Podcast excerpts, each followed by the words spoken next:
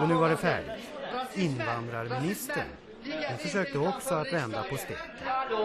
Nu tycker jag att vi gemensamt i denna sal sjunger.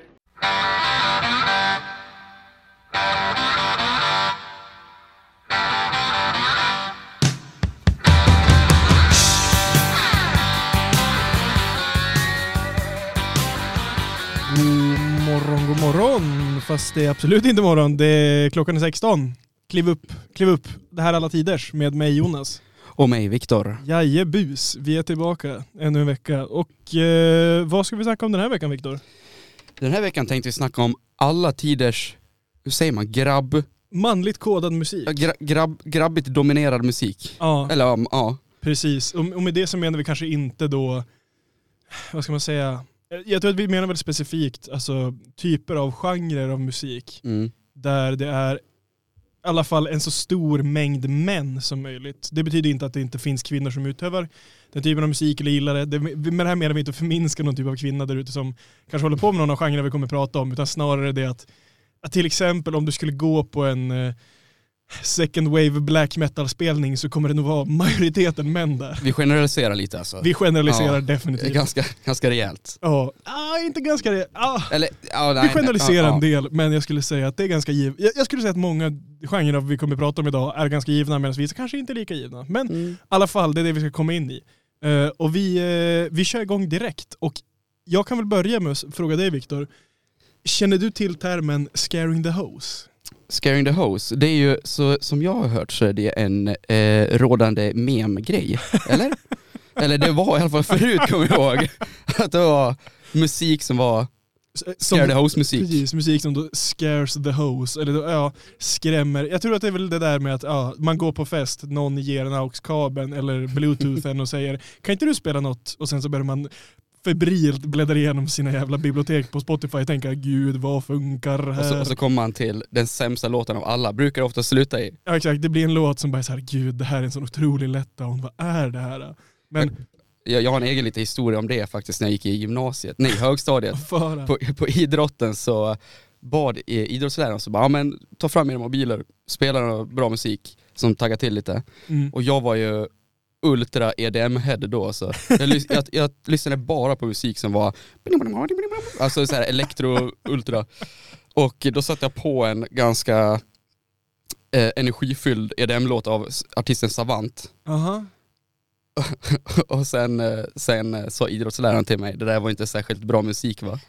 Och sen efter det så kunde jag inte lyssna på den låten överhuvudtaget. Jag mådde så dåligt. Who the fuck put on this wack ass beat? Och då fick jag exakt den där scaring the hose-känslan tror jag. Ja. men jag tror att det är precis känslan. Och det här har väl, inte bara att det är en meme, men det har väl lite grann exceeded the meme och folk har väl försökt plocka ihop och skapa någon typ av hittepå-genre men även inte hittepå av musik som då klassas som väldigt mycket scaring the house. Och det, det, det är nog mer så att man tittar på artister som kanske går hem mer hos, eh, vad ska man säga, alltså, jag, jag, tror inte, jag tror inte heller att scaring the Host musik bara handlar om att det, det skrämmer kvinnor. Jag tror att det snarare handlar om att så kallade normies, vanliga människor, kanske inte tycker att det här är skitbra. Medan man då själv, så cool som man är, tänker att ah, jag och min fucking balla musiksmak, det är ingen som gillar det här för det här är fan galet. Det är ganska elitistisk gatekeep, alltså det är lite halvt Ja, alltså elitistisk grej. Precis, man gör narr av sig själv samtidigt som man typ inte gör narr av sig själv. Alltså Mm. det är lite höjande och sänkande samtidigt. Men några sådana här artister då, för att ge någon typ av perspektiv, alltså många av dem är ju alternativrap. Alltså nutida alternativrap. Jag tror att några ganska klassiska är väl Death Grips är ju ett sånt band som är, gör lite mer industri slash inte noise, men alltså samplad hård industrirapaktigt. Alltså Ja. det, är svårt att sätta, det är svårt att sätta fingret på Death Grips, de är väldigt mycket på en och samma gång. Men alltså det är väl, väldigt aggressiv musik. Det, ja, det är väl också, jag har försökt läsa igenom några av texterna från Ja. Death Grips och det är väl oftast nonsens. Ja, det, det är ju absolut schizofrena texter. Ja. Alltså de har ju eh, MC Ride, eh, vokalisten i bandet, har ju liksom den här I Stay Noided som har blivit lite av en calling sign mellan fans. Därav, ja, noided som i schizofren. I stay noided, I stay noided. Sen har du Sen har du andra som kanske, typ Earl Sweatshirt, eh, också en alternativ rappare som gör musik som inte är lika aggressiv men snarare så att han väljer beats som många skulle anse är totalt helt bajsdåliga. Alltså jättesvåra att lyssna på, jättesvåra att tycka om. Eh, till exempel, han har ju den här låten Riot som bara är någon typ av arabisk flöjtloop. Och sen så rappar han över det och det, ja. Den är tung. Den är tung, den är tung, den är definitivt Men- men- tung. Det känns som att Earth Sweatshirt är lite som jazz. Alltså jazz för hiphop-heads. Ja, På det sättet att det är typ såhär folk säger åh Earl är så jäkla bra för att han har så sjuk rhyme scheme och grejer. Ja. Har jag sett i alla fall. Ja, ja, Också att han kan typ rappa på otroligt konstiga beats. Ja men precis, och det är det som, det är det som är grejen som kanske gör han ganska intressant och bra. Att, liksom, han, har, han har haft en stint med två, tre album nu där det har varit väldigt mycket fokus på han och hans lyrik och sen så har väl på något sätt, jag, jag vet inte om det är så att han väljer beatsen för att han tänker att det på något sätt höjer alltså, värdet på hans, hans rap eller om det är så att det ska kontrastera. Alltså, jag, har, aldrig- jag har aldrig riktigt fattat det där. Jag tycker att han har många bra låtar men jag har aldrig riktigt fattat vad vad, vad grejen är med att ha sådana här typer av beats. Men ja, det är också, också en typ av då scaring the host musik. Men sen har vi då, jag skulle säga magnum opuset. Mhm. Eh, kanske inte, alltså magnum opuset är det att man har tagit termen i mun själv. Det är då eh, JPEG Mafia, känner du till honom? Jag, jag har hört talas om honom, men Ja. bara varje gång jag har hört hans musik så tänker jag absolut, det här är Scary, det här är Scary Nose musik. Han, han är ju väldigt mycket en scaring the host rapper. Jag tycker väldigt mycket om honom. Eh, men han har i alla fall nyligen släppt en skiva med Danny Brown om du känner till honom, rapparen. Mm, väldigt ljus röst. Ja precis, Mm. jätteljus röst. Han hade en serie på, på Vice på YouTube där han åkte runt och gjorde massa goofy grejer. Och så hade han en specifik där han besökte The Gathering of the Juggalos. Som vi har pratat om Ah, tidigare i en, eh, i en julspecial. Men där, eh, alltså då han träffar olika typer av Juggalos. Han träffar ICP också och eh, har allmänt kul. Men de två i alla fall, Danny Brown och JPEG Mafia, de gjorde nyligen en skiva som heter Scaring the Hose Volym 1. Eh, jättebra skiva om man gillar sam samplekraftig, aggressiv, men även till viss del melodisk rap. Det, det är lite svårt att, att, ta, att sätta liksom fingret på det, men JPEG Mafias musik och hans produktion, det är han som producerar på den här skivan också, är ju väldigt fokuserad på udda Mm. sampling men även ganska front-heavy eh, ljud. Alltså det, det de flesta ljuden ligger i framkant hela tiden när man lyssnar. Det är inte så värst mycket, det är inte allt för mycket intrikat alla gånger. Det är lite punkigt, alltså punkig mastering på, på det sättet. Eller, Ja säga. absolut, absolut. Det är ett ganska bra sätt att säga det. Han har ju, han har ju mycket sådana där konstiga grejer. Han gick ju tidigare under namnet Devon Hendrix och gjorde musik. Mhm. Och då, jag har lyssnat på några av hans gamla, gamla grejer han gjorde. Jag tycker också det finns bra grejer där. Men han har, han har ju många udda val. Alltså det finns ju mycket, många väldigt politiska takes. Alltså han har en skiva som heter Communist Slow Jams. Han har, eh, han har en låt som samplar mordet av en polisofficer. Eh, han har en låt som samplar, alltså jag har försökt kolla upp det här och jag tror att det är fastslaget, men jag kan ha fel här så jag, jag flaggar för att jag kan ha fel. Men att han samplar någon typ av barnporr alltså i Äh. en av låtarna. Ja det är en låt han har, där, det, det låter väldigt mycket som det. Jag har försökt kolla upp det här Försöker han bara vara Alltså, liksom edgy då eller? det, är det, det är det som jag undrar. Alltså det är såklart att det finns ett, eh, många gånger så finns det ett politiskt, liksom en politisk take som Ja. är att något han verkligen själv tror på. Men liksom att använda någon slags porrfilms audio som låter som att det är liksom en äldre man och en yngre kvinna, att det är så här, eller ett barn, att säga, fan då börjar det klia lite grann under huden. Alltså. Då spelar ingen roll, bra, då spelar ingen roll hur bra rhyme schemesen är. Nej alltså. precis, det spelar, ingen, det spelar ingen roll hur lyrical miracle det är då. Alltså. Det känns ju också som att någonting med sån här musik är lite att eh, man ska vara lite kroniskt online. Ja, JPEG vet jag, han känns ju lite som det. Ja, han känns väldigt mycket det. Danny Brown är ju supermycket det. Han har ju en podcast där han, är, han bara pratar mycket om olika grejerna för sig. Känner du till begreppet lolcow? Nej, är det ett 4 begrepp eller? Ja, en lolcow är det en person som existerar online och som folk då gör narr av. Alltså folk trollar medvetet för att få ut lols från den. Alltså milking lols from the cow. Typ Chris Chan. Chris Chan är en av de mest klassiska lolcowsen. Eh, Men, men Danny Brown, han har ju då haft ett stående problem att han är beroende av lolcows. Alltså han älskar att milka lolcows. Alltså typ harassa folk, alltså valda personer som man då harassar online eller man liksom, man matar dem med pengar för att de ska göra självdestruktiva saker. Alltså det är typ en snubbe som man följer som alkoholist. Och man vet att ger man honom pengar kommer han bara köpa, Men- han kommer bara köpa sprit för det och sitta på livekamera. Är inte, det, inte Danny Brown också alkoholist? Jo han var alkoholist, Ja, men han, han har nyss kommit ut ur, ur rehab. Alltså det... Hur kan han inte se det onda i hans ja. handlingar? Jag, jag tror, han, har ju slu, han har ju sagt det när han blev sober, så här, jag slutar med Lolcaus nu också för det finns inget positivt i det här, det här är bara, det här är inte bra.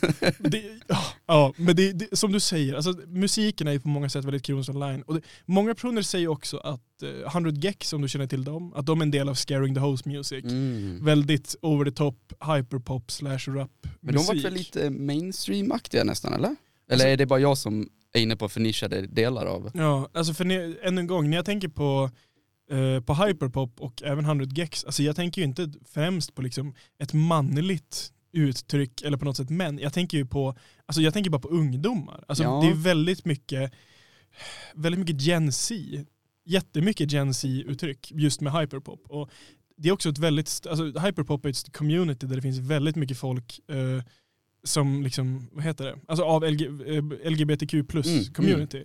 Och det känns ju inte som att det heller behöver vara liksom enbart manligt cis-mail-kodat. Så jag tänker att just det här med den här termen scaring the hose, alltså jag tror att mycket av den här musiken är snarare det är inte normal musik, eller normal säger jag inom citattecken. Mm. Det är inte, det är inte normig musik, det är inte vad man kanske skulle kalla för NPC-musik. Med andra internettermer. nu blir ju vi kroniskt online istället. Men det känns ändå som att vissa av de här artisterna som du tog upp innan, alltså Earl, eh, Death Mm. Grips, det känns som Mm. att på de konserterna så Ja. känns det som att majoriteten är män. ja, Det är ganska svettigt. exakt. De absolut. 100 Gex mindre så. Mm. Sen har vi ju Sen har vi ju kanske den sista, den som folk kanske har bäst koll på. Alltså som jag skulle säga är, jag skulle säga att han är kungen av typ hela idén, idén av Scaring the Host och det är Playboy Carty. Mhm. Om du har hört, har du hört hans skiva Whole Lotta Red som kom för några år sedan? När han då kom tillbaka efter en lång hiatus från musik. Och där han gör väldigt, väldigt hård, eh, elektroniskt, man, alltså, Industriellt? Nej, inte industriellt utan snarare alltså, 808-bas, Mm, mm, booming, helt sjuk nivå. Eh, väldigt elektroniskt och lite syntfokuserat. Men främst så är det väl just det där att det ska vara någon slags chant-aktigt. Alltså det känns väldigt primalt Mm. samtidigt som det är liksom syntigt och, eh, och hårt. Mm. Och det, jag tror att det på något sätt så, är, alltså om man, hans livespelningar, när han väl har uppträtt, när han kom tillbaka då med den här skivan, alltså majoriteten är ju bara att det är stora klungor män eh, som då liksom morsar. Eh, och det är också det här med att, jag tror att vi, ja, du och jag har ju pratat om det förut med morsetikett och att folk går och morsar till vilken musik som helst. Det här är lite granna, jag tror att det här är liksom starten för det här med att folk morsar till all typ av musik som finns i världen nu. Att Mm. så här, just Playboy Carty, hans, hans, eh, hans, lite hans kulturella avtryck där. Att han kom med den här skivan och den bara slog med morsande. Men jag tänker, det måste ju ändå på något sätt tagit av, alltså det måste ju också ha grundats i lite underground hiphopen för där kom ju morsen väldigt snabbt. Ja, precis. Alltså där känns det som att det spred sig till, vidare till hiphopen på något sätt. Ja, jag, jag tror definitivt det. Och Men- Playboy kanske gjorde det ännu ja, större. Ja, för, för det är ju också väldigt mycket punkiga inslag i det Ja. här. Alltså just det där med hans, hans, Ja, men hans, hans estetik är väldigt mycket punk. Alltså hårt läder, det är liksom röda accessoarer, det kan vara lite nitar och sånt där. Alltså det, det känns väldigt ofta som att det är, liksom, vad ska man säga, Malcolm McLaren Sex Pistols, Mm. 70-talets England-punk på det sättet. Eh, kanske mer så att det ska vara estetiskt, vad ska man säga, in your face. Kanske inte den här punkestetiken av do it yourself, fuck the money-delen som är mer anarkistisk. Liksom. Kanske snarare det där med att peka fingret åt vuxenvärlden. Stå ut lite också kanske. Ja, precis. Stå ut lite också. Eh, Men du, men du är inte så stor på, vad ska man säga, scaring the host music. Du är inte den stora lyssnaren. Alltså, jag, jag har ju försökt lyssna in mig på Death Grips. Ja. Det är typ såhär, hitta ett par låtar och sen bara mm, den här var bra, men det är också typ såhär en låt när MC Ride bara står och skriker i en kamera. Ja, Eh, det, det är ganska många låtar som är MC Right som skriker. och JPEG det är typ såhär, ja det, jag, det är sån musik jag kan uppskatta, men jag förstår ju varför det är en meme i sig. Ja, ja, det, Eh. det är väldigt förståeligt varför det är en meme också. Men det är just det där att det är så himla... Det är också väldigt ungdomligt kodad den här musiken. Ja. Alltså, det är ju inte musik som man tänker på 40-åringar. Utan det är ju liksom någonstans mellan åldern 15 till 30 skulle jag... Ja, 15 till 25 Ja, kanske till och jo, med. det, är, det är väl vår generation eh, som det ligger ungefär kanske. This is my Rolling Stones. Playboy Carty. Playboy Carty är min Paul McCartney. Nej men jag säger så här, men okej, vi, vi kanske kör en låt av Death Grips i sådana fall. Oh. För jag har hört det av många andra också, om när Death Grips har kommit på tal, om man har diskuterat det. det. det- Folk säger att jag har hört Death Grips, jag känner till Death Grips, men det är ingenting som jag lyssnar på. Men jag tänker att jag kör en låt som kanske är väldigt Death Gripsig, och så, eh, så ser vi vad du har att säga därefter. Kul ja. Jajamän. Det här är You Might Think He Loves You av Death Grips. Hard shit. Fuck I said, fuck I don't start shit.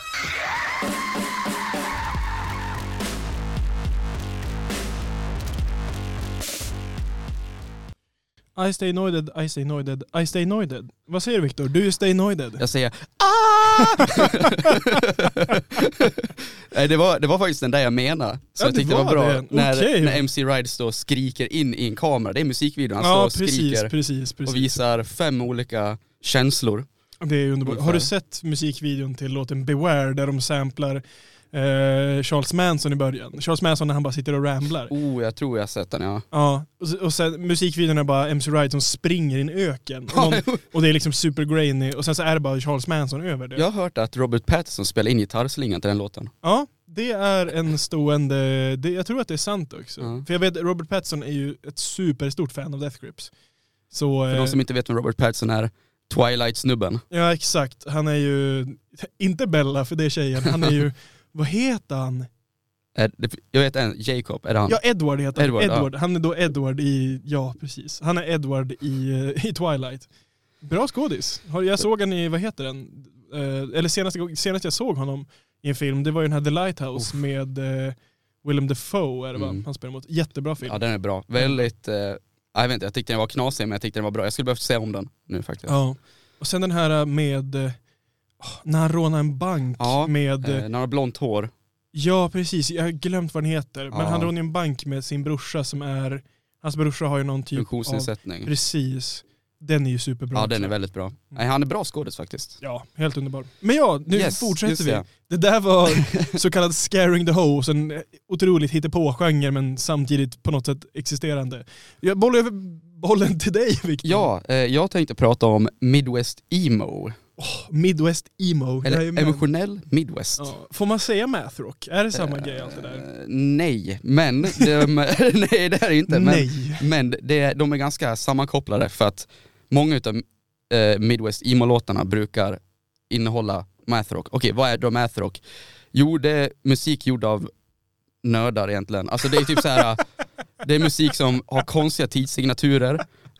Låter kanske ganska konstiga för många, men jag tycker att det låter bra. Men jag har hört att om man tycker att det låter bra så är man eh, elitistisk. Så eh, jag, vet inte om, jag vet inte hur jag ska tycka ännu. Nej, men just det där med varför man kallar det math rock, det är väl just det där att tidssignaturerna är sådär 7 genom 3 eller såhär 12,5 genom 5. Att det är bara så Ja. konstiga tidssignaturer. Exakt, och så är det, ja det är bara liksom, det är väldigt, ex, inte ex, jo men experimentell men extrem musik på ett sätt. Det är Ja. inte som jazz att det är konstiga noter och sånt, det låter oftast, Mm. det har ett genomflytande, hur som, det är inte det vi ska prata om. Nej, det här är ett Eh, element inom de Midwest emo. Exakt. Eh, Midwest emo då, det är en genre som, det grundar sig i Midwest America.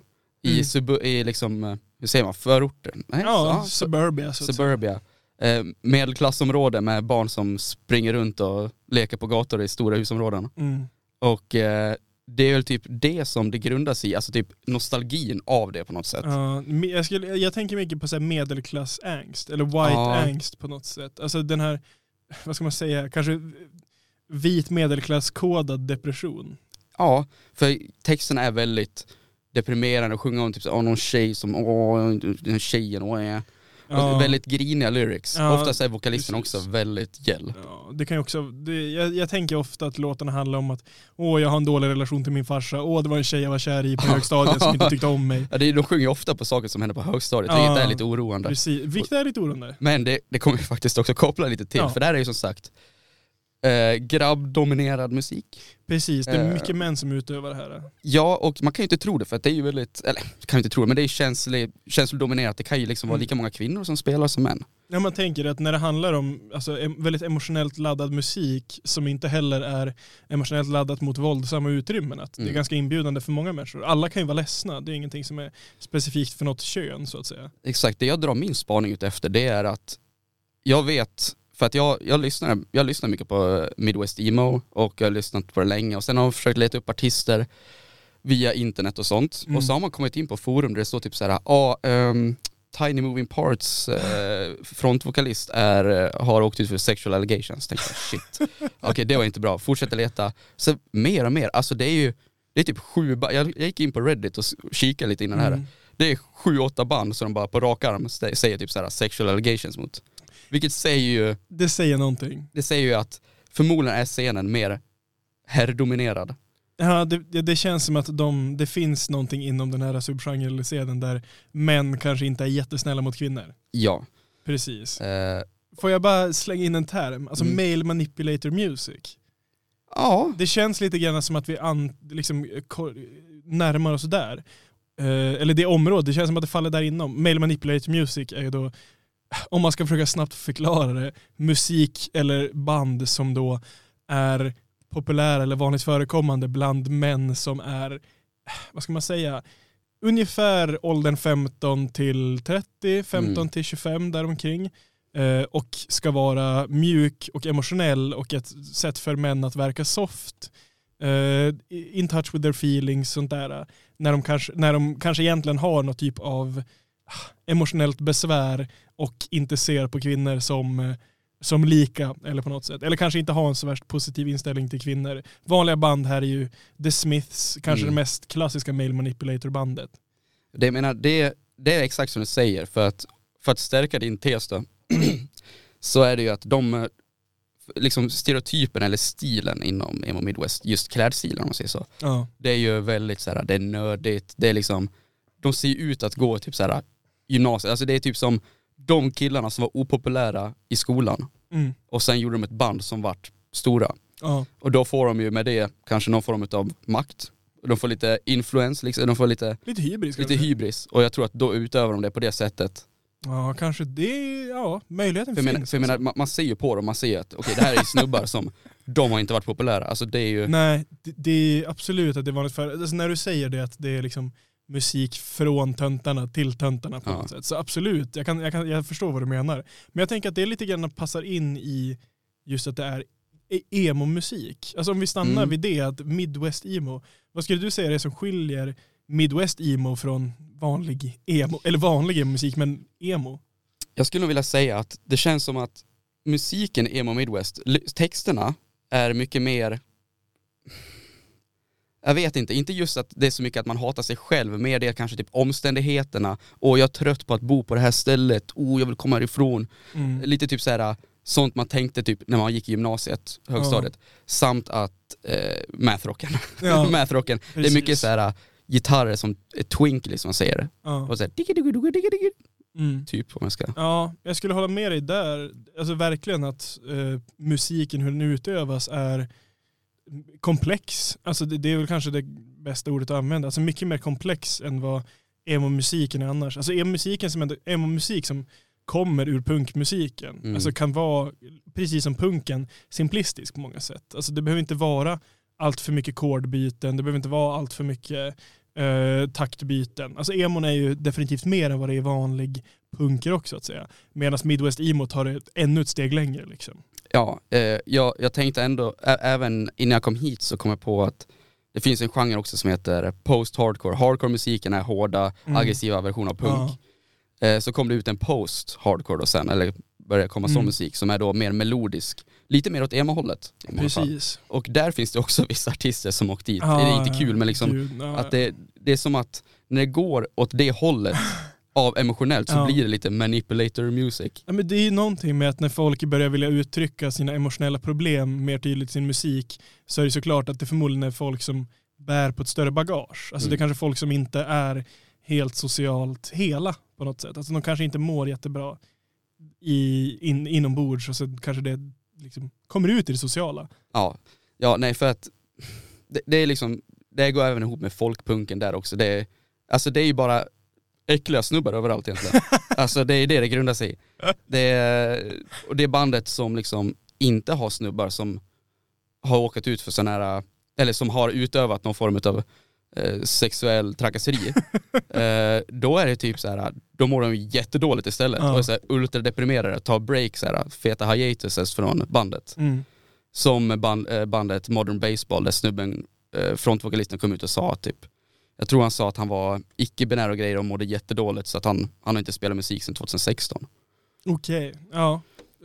Ännu en gång. Alltså det, det kanske lät som vi gjorde lite, lite vad ska man säga, narr av, av folk inom den här genren tidigare när vi sa att det var white angst och åh det var så jobbigt för mig på högstadiet och jada jada. Det är ju absolut inte mer att förminska Ja, nej, nej, nej. mental, mental ohälsa här, absolut inte. Eh, Det, man ska, det var ju snarare ett sätt att kunna försöka komprimera scenen. Ja, det, det är ganska mycket att, att liksom kunna komprimera till den här korta biten för att det är ju, det är ju mycket diskussion kring just den här genren. Det är det ju definitivt. Men det är också, alltså den här genren var ju populär främst under, alltså den, den uppstår väl någon gång under 2000-talet och har väl varit främst populär under 2000 och 2010-talet. Mm. Jag vet inte hur mycket Midwest emo-band det är som är superpoppis nu. Jag känner till ett band som heter Hot Mulligan som har Ja, kommit igång ganska nyligt. De har väl någon slags blandning mellan Midwest emo och typ mer poppigare punk. Jag vet, jag vet inte hur man ska... Ja, nej men det, det är lite, det är som, som du säger, lite poppig Midwest emo. Men det, då är det också såhär, okej om vi tar poppunken då. Mm, De, precis. de, de råkar ut för samma problem. de råkar ut för samma problem där också. Vad händer om man blandar poppunk med emo Midwest? Alltså det blir ju katastrof. Det går ju inte, det är allt jag säger. Det, det blir...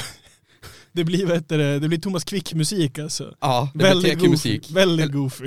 Ja. Nej men vad säger du? Ska vi, nu när vi ändå har diskuterat, vi måste väl köra en låt? ja, men jag tycker det. Vi, vi kör väl på Modern Baseball och de enda, det enda bandet som inte, eller ja nu över en generalisering, men ett band som faktiskt är snälla. Ett band som är snälla. Ah, ja, men eh, då kör vi på det. Här kommer It's Cold Out Here med Modern Baseball.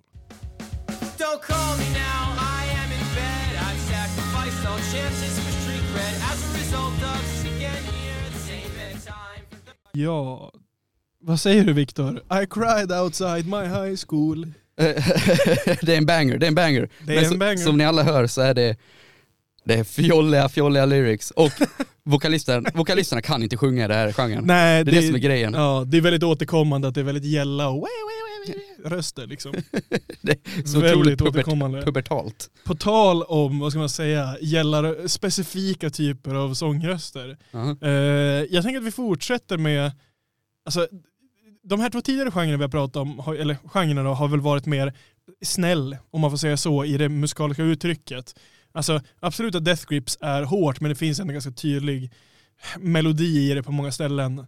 Och det är kanske lite lättförståeligt. Uh, den här genren vi kommer fortsätta med nu, alltså hela, hela det kulturella uttrycket kring det, musiken och estetiken, allting är bara menat att vara våldsamt och ont. Och det är då black metal. Mer specifikt så tänker jag att vi ska prata om alltså både första och andra vågen av black metal. Uh, jag vet är du, är du väl, väl bevandrad med black metal? Alltså det, det är som sagt, där är någonting som jag vet vad det är men jag har aldrig lyssnat på det. Nej, precis. Det är lite, det är lite som kinesiska. Man känner till det men man kan inte. Exakt. Eh, Det är lite för obskyrt för mig tror jag. Ja.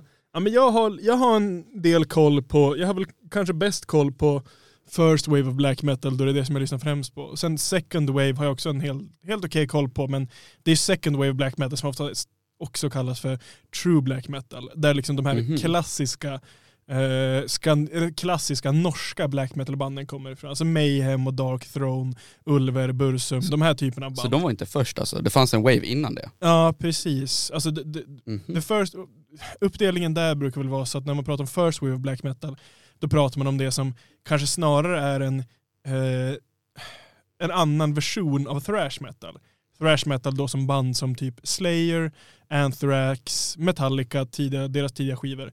Alltså det, det är en, en, en vidare utveckling av thrash metalen så att säga. Och det här sker under eh, det sena, eller mitten till sena 80-talet. Band som Bathory och Venom är väl de två som är ansedda att vara, någon av dem är liksom de första black metal-banden. Mm. Där, där Venom på något sätt coinar termen black metal. Eh, men Bathory kanske är det bandet som gör musik som låter som det som kommer att komma att bli det man kallar dem. Det man, det, det man kallar black metal. Ja. Eh, men ja, i alla fall. Bla, vad är då black metal om man ska koka ner det? Och vad skiljer black metal från annan musik? För jag, jag tänker att många folk har koll på vad metal är. Mm. Alltså, det, är Ja, en, men det är en form av hårdare rockmusik. Det är en form av rockmusik som är snabbare och aggressivare. Eh, men det som skiljer black metal då från annan typ av metal och gör det ganska manligt kodat är ju då att estetiken och uttrycket är, alltså satanism är ju väldigt vanligt förekommande. Som då, alltså religion, alltså är det så att folk inom black metal Ja, på riktigt jätte, Ja. jätte, det, det är vanligt. Men sen också det att det, det, det handlar väldigt mycket om att vara real så att säga. Termen att vara äkta är ju väldigt stor inom black metal. Och hur man är äkta är ju att leva ett liv där man då, alltså man, man är musiken, man är sina lyrics. Alltså man, om man då sjunger om att dyrka satan och att, eh, att mörda och att, eh, att leva ett, ett sant liv mot, eh, vad ska man säga, för satan, alltså då, då gör man det här också. Och det, det speglas ju ganska mycket. I alla fall, vi pratade ju tidigare om just den här second wave of black metal. Det, kom ju igång under det sena 80-talet men tar verkligen fart i början av 90-talet. Mm. Eh, och jag, det är säkert, om folk, de få, eller de få, de som lyssnar där ute som har koll på black metal känner ju säkert till eh, mycket av kontroverserna som sker kring den norska tidiga scenen med, med mord och eh, självmord och eh, andra typer av hemskheter. Alltså jag, jag tänker att jag, jag behöver inte gå igenom det allt för detaljerat men jag kan Mm. bara lista några snabba saker. Att, eh, bland de liksom stora tidiga banden så Mayhem är väl det som har blivit mest ikoniserat. Eh, deras frontsångare Dead som han kallade sig själv, eh, Pelle Olin, en svensk. Han, han brukade ju begrava sina kläder för att de skulle ruttna när han skulle spela. Skar sig väldigt mycket och blödde på scenen. Eh, det finns ett tidigt gig där han liksom eh, skär sig och blöder så mycket så att han liksom tuppar av på scen och sånt där. Och liksom han, han begraver sina kläder och låter dem ruttna. Han, jag, jag för mig också att han kunde lägga sig själv under marken i typ några timmar innan spelning för att liksom känna hur det var att vara död innan man skulle spela. Han, han då, han tar ju livet av sig.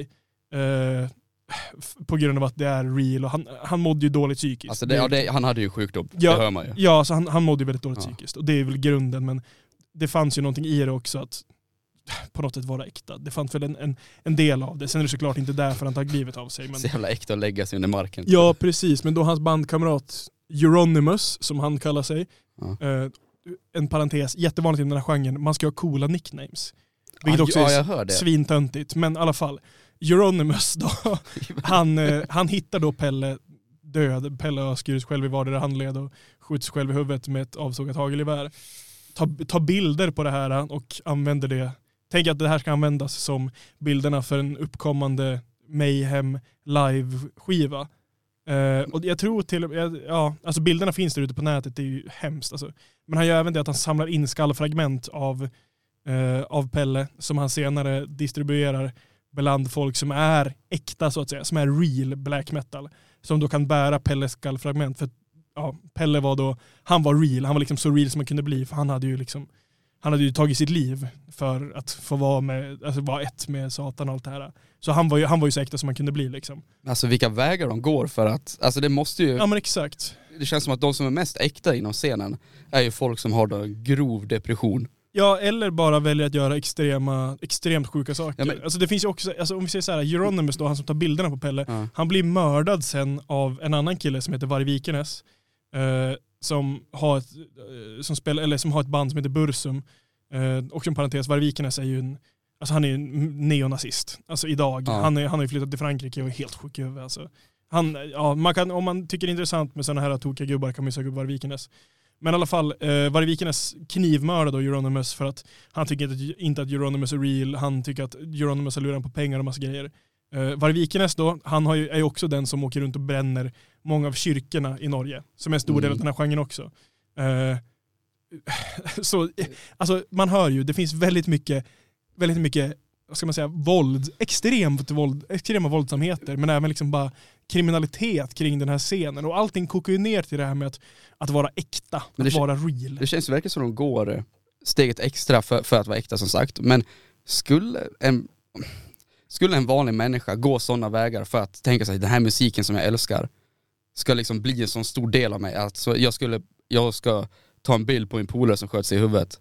Alltså jag menar, Ja men exakt. vi, Mm. var, vart någonstans är det Okej, Vart går men gränsen? vart är du sjuk i huvudet och vart är du bara en, en entusiast? Ja, precis. Men alltså det, det är väl också intressant det där att alltså såklart så, alltså black metal existerar ju inte i ett vakuum. Alltså den här norska scenen uppstår ju inte, inte utan att som en reaktion på liksom den yttre världen. På liksom det snälla, mjuka Norge som också är ett, alltså kanske många av våra, av våra lyssnare som då är svenskar inte har koll på. Alltså Norge är ett mycket mer religiöst samhälle än vad Sverige är.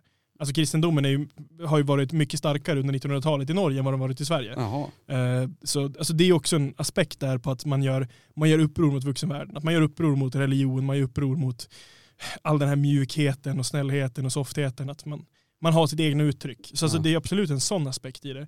Men, men, det, men det är precis som du säger, att, att vara en del av en subgenre och en, en subkultur, men att, liksom, att utöva den, när det liksom innebär att mörda och när det innebär att göra väldigt grafiskt påfrestande och alltså skadliga saker mot andra och mot sig själva. Att det är liksom det är väldigt svårt att kunna föreställa sig hur man hamnar i den typen av mindspace där det här är logiskt. Det är svårt att kunna försvara sig i rätten med att säga your honor, Ja, det var ballt i genren, ja det var ballt i scenen. Men det är ju ja, hur, hur kopplar vi det här då till mans... mansdominerat. Ja, men bra, bra att du styr tillbaka mig lite här. alltså, främst är det väl just det där att våldet, skulle, våldet och eh, mycket av att estetiken är makt. Alltså det finns en, en stark maktdimension inom den här musiken. Ah. Att den som kan spela snabbast, den som kan vara hårdast, den som kan uttrycka sig mest liksom elakartat. Är det fascismrock du snackar om?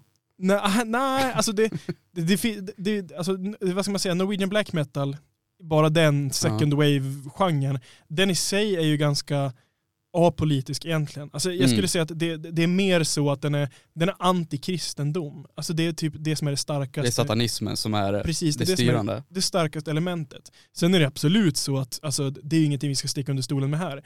Black metal som det utvecklas till idag, alltså en, en stor subgenre inom black metal är ju National Socialist Black Metal, NSBM, alltså nazistisk black metal. Alltså det är en, det är en existerande del av den här uh, genren och det är en scen som existerar. Ironiskt att det heter black metal då. Det här fick du dem. Ja, där fick jag dem. Nej, men alltså, som sagt, alltså, det är ju väldigt mycket så att om man ska försöka koppla det till något typ av politiskt eh, ställningstagande, väldigt mycket black metal drar ju sig åt högerhållet. Så är det ju. Alltså, Ja. de- De extrema reformerna kan vara totalitära, skadliga. Men det är också det att det handlar ju om att vara real och real är att vara hatisk och skadlig. Euronymous som vi pratade om tidigare, han ska ju visst ha sagt sig vara stalinist eftersom att stalinismen är den ideologi som har skadat flest människor någonsin. Alltså det är så otroligt edgy. Ja. Alltså det, det säger man ju bara för att, åh kolla hur cool och... Exakt, det är exakt det det kommer ner till.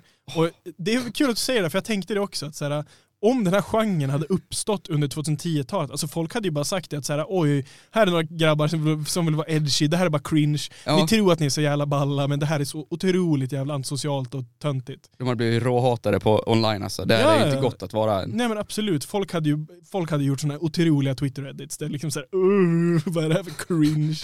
det, nu när man hör det så är det ju det. Ja, alltså, Alltså- absolut. 100%. 100%. Eh, det finns ju inget mer att säga där egentligen. Men jag, jag tror att man också, om man bara stannar kvar vid musiken. Mm. Alltså, det är svårt att beskriva black metal eftersom att man, man ska vara ärlig här. Uttrycket kan väldigt ofta uppfattas som kakafoni.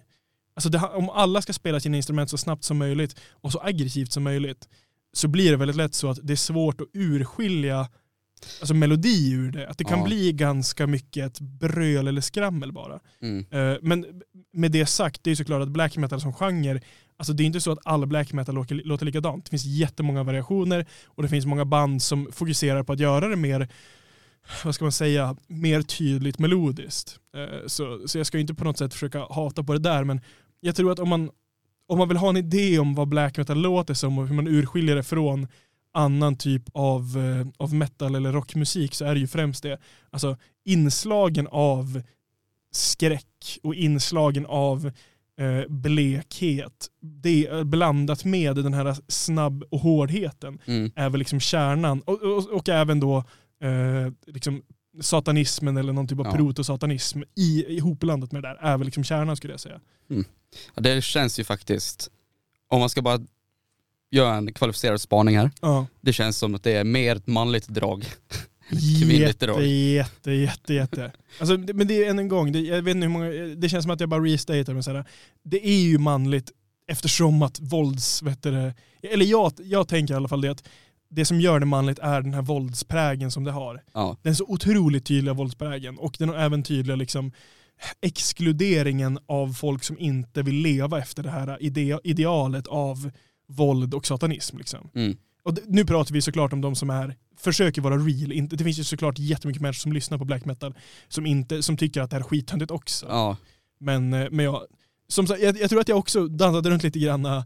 Så här, jag frågade dig, lyssnade du på black metal? Du sa det här är, eller ja, det här är kinesiska för ja, mig. ja precis. Jag, jag, har- alltså jag har ju lyssnat en del på black metal och jag tycker att det finns mycket black metal som jag gillar och tycker är bra. Ja. Men jag, jag har alltid svårt för att liksom djupdyka i det för jag tycker alltid att det, det, det finns alltid en vägg som man når där det är, det, som du sa om, eh, eh, om Midwest Emo, att, så att det kommer alltid någon som har någon sexual allegation Ja, offense. ja, precis. Alltså, då blir det i, lite... I black metal man kommer alltid fram till någon som antingen är homofob eller neonazist eller mördare eller sånt där hemskheter som bara är så här, att det bara vrides i magen på en. Precis. Mm. Svårt att skilja skapan från verket. Ja men verkligen, ja verkligen. Men jag tänker att vi, vi kör vi kör fan lite black metal Ja. för alla där ute. Eh, och jag tänker, hmm, ja men vi kan, vi kan spela en Spela något bra. Jag tänker så här, vi, vi kör Mayhem som vi ändå pratade om lite här. Eh, och vi kör låten De Mysteris Dom Satanas från skivan De Mysteris Dom Satanas. Så som sagt, här kommer då De Mysteris Dom Satanas med Mayhem.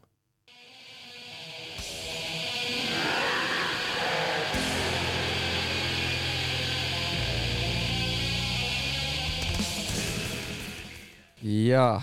Ja, vad säger du? Jag tror man får nog ganska ont i handleden av att hålla på med sånt här alltså, om man trummar.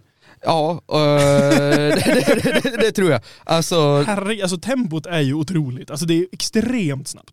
också otroligt goofy röst. Ja, alltså det... När han går mellan till... Ja, nej det var... Också det, något som är så jävla åtkomligt. Alltså det är ju ingen som sjunger så att man förstår vad de säger. Det är ju som en poäng också. Allt är helt unintelligible alltså när de growlar. Men om, om vi säger så här, om du satte på den här på en fest så skulle jag säga, mannen det här är scared house-musik. Ja, ja, ja, Det, absolut. det här är ju värre än JPEG. Jag skulle säga att slår du på det här på en fest, då skulle jag säga att du, alltså inte idag. Alltså det, sorry men det, det, det funkar liksom inte. är också Det, det, att- det är bara att gå hem. Också att de håller på säkert 7-8 minuter med låtarna va? Ja. Alltså det är väl långa- långa låtar. Långa låtar, det kan vara långa intron. Alltså det kan ju ofta vara intron som är långdragna. Det är liksom någon typ av snöstorm och det blixtrar och sen kommer någon in och liksom och sen river det loss liksom. Ja. Eh, ska vi gå vidare till den sista då? Min sista. Ja, vi går vidare till din sista. ja. jag ska att, bara ge en snabb kommentar. Min sambo skrev, hon lyssnade, hon skrev jag mutade ja, till musiken så. ja, jag skulle också gjort utifall inte jag satt i det här rummet. Nej, Nej men vi fortsätter, vi fortsätter. ja, eh, jag tänkte prata om en väldigt nischad, speciellt svenskt, och nu tänker jag svenskt, eh, chockrap. Ja, Och då tänker jag specifikt i Sverige. Okej, vad är chockrap då? Jo, det är rap när man säger fula saker till fula lyssnare. Nej Ja. men, Vill du, Alltså- veta, vill du veta vad jag tänker om chockrap? Alltså, jag tänker att Eminem är, måste vara grunden för det här. Liksom. Eller eh, just Ja, det här, alltså Eminem känns som att vara obscen, jag ska mörda min mamma, jag eh, Ja. skjuter min, jag ska skydda mitt barn och skjuta min fru. sant. Att jag tänker att mycket på något sätt, det känns som att mycket kokar ner till att folk bara diggade Eminem och sen var det liksom, eh, vi kan också göra det här. Exakt, förutom att de i Sverige tänker så här: vi ska inte göra det för att vara bra, vi ska göra det för att vara roliga. Ja men exakt. Eh, att det blev som en eh, humorklick på det. Ja. Eh. Det, får, ja, det får man ju säga, det är ju en subgenre där det finns ändå, alltså humorn finns ju alltid närvarande. Ja, alltså jag ska inte, jag ska inte ljuga, jag har ju lyssnat lite på det här och vissa grejer är ju, är ju roliga. Det behöver inte alltid vara chock, men det är typ så här, säga, ja, men säga jättefula ord och sen typ s- snacka dumheter. Det kan ju vara lite roligt ibland. Det, det är såklart, alltså det är ju lite grann vad alltså, viss typ av humor baserar sig på också. Ja. Att vara absurd. Exakt.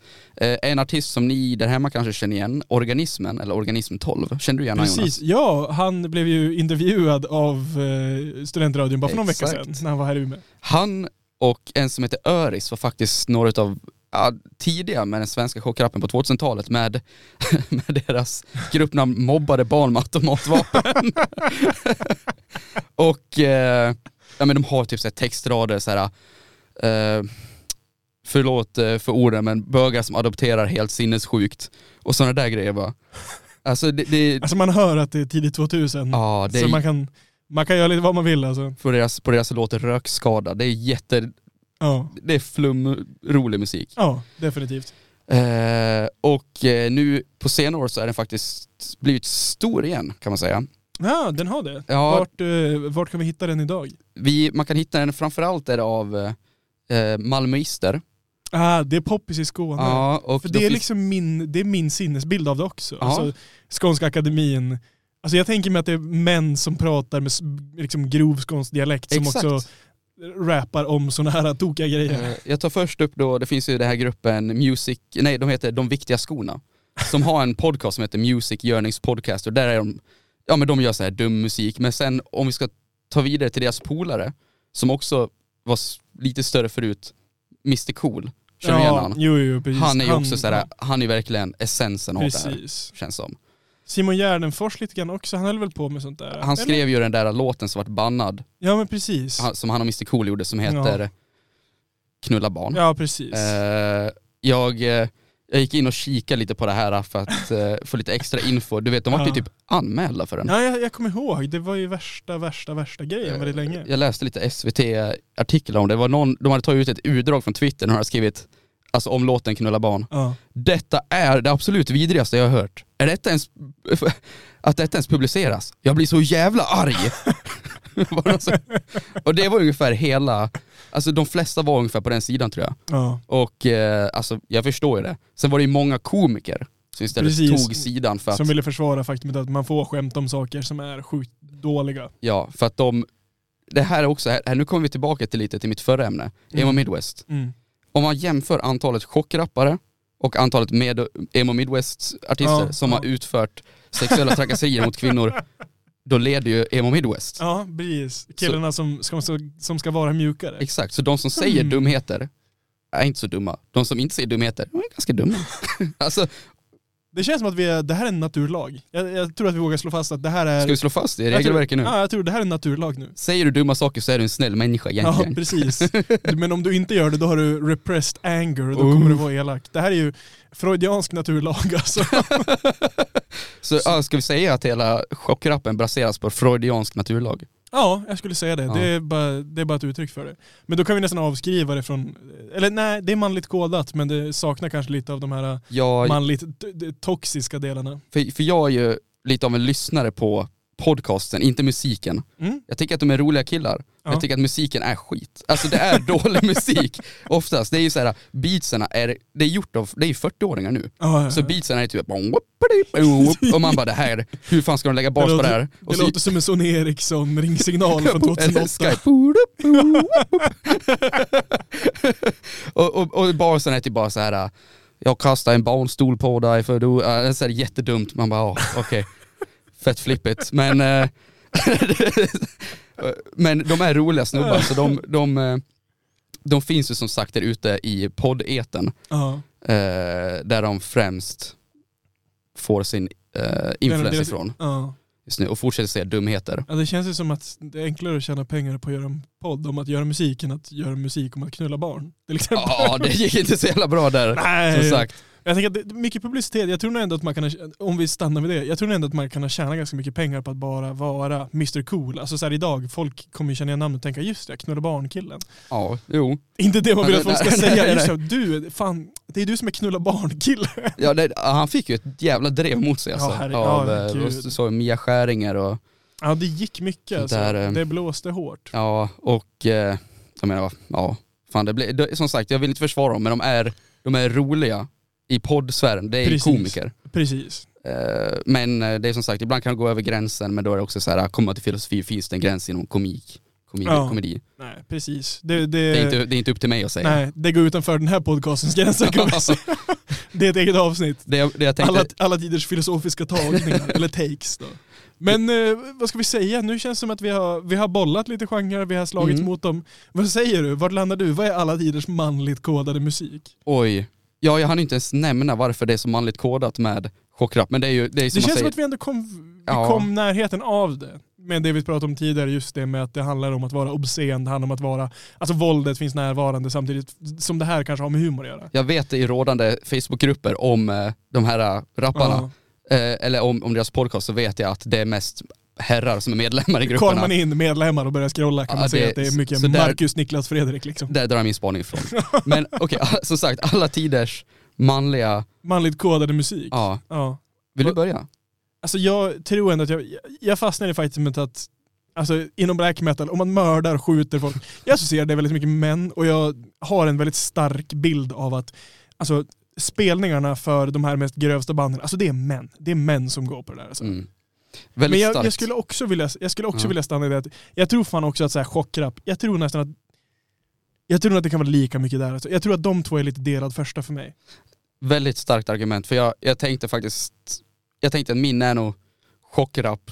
För jag, men nu tänker du också black metal från förr eller från nu också, för det ja, Nej, det är det där. Alltså black metal, ja, definitivt black metal idag kan dra, säkerligen dra mer, mer kvinnor, men jag tror nog definitivt att när det begav sig mm. och när det var som mest goofy, ja, ja jag tror nog att det var en större andel män då. Men det är Ja. som sagt, det här är, det här är bara gissningar. Ska vi skaka hand på delad första plats Ja, med jag tror vi, ja, vi, Han skakad nu. det är bra det här, nu gör vi visuell radio, sånt som man egentligen är förbjuden att göra. Men vi har inga lagar och Nej, regler. exakt, som sagt, vi bestämmer våra egna naturlagar. jag ser här, vi har som en kort minut kvar. Jag hade faktiskt hunnit slå en random Nissepedia-artikel precis här Oh. innan och den är väldigt kort, så jag kör den snabbt för dig Viktor, så Yes. får du ge en snabb take. flytväst. En flytväst fungerar ungefär som ett bilbälte, fast på vatten. Slut. Det, vad säger du, ja eller nej? Eh, ja, fan. Ja, jag vet inte, man drunknar ju inte om man har bilbälte. Nej det är sant, man drunknar inte om man har bilbälte. Men, eller du kan drunkna om du har bilbälte men du kan inte Ah. drunkna om du har flytväst. Jag tror att det finns några, no, någonting som paradoxalt, eller no, något som kontradiktar med det här statementet. Ja. Men jag kan inte komma på det nu, på den Det här sista minuten. Vi får ta det nästa gång som vi kör alla tiders filosofiska takes. Uppföljare på den här. Uppföljare. Ah, ja, men eh, vi tackar för o- oss och så eh, hörs vi igen nästa fredag samma tid. Ha det. Ha det, tack och hej.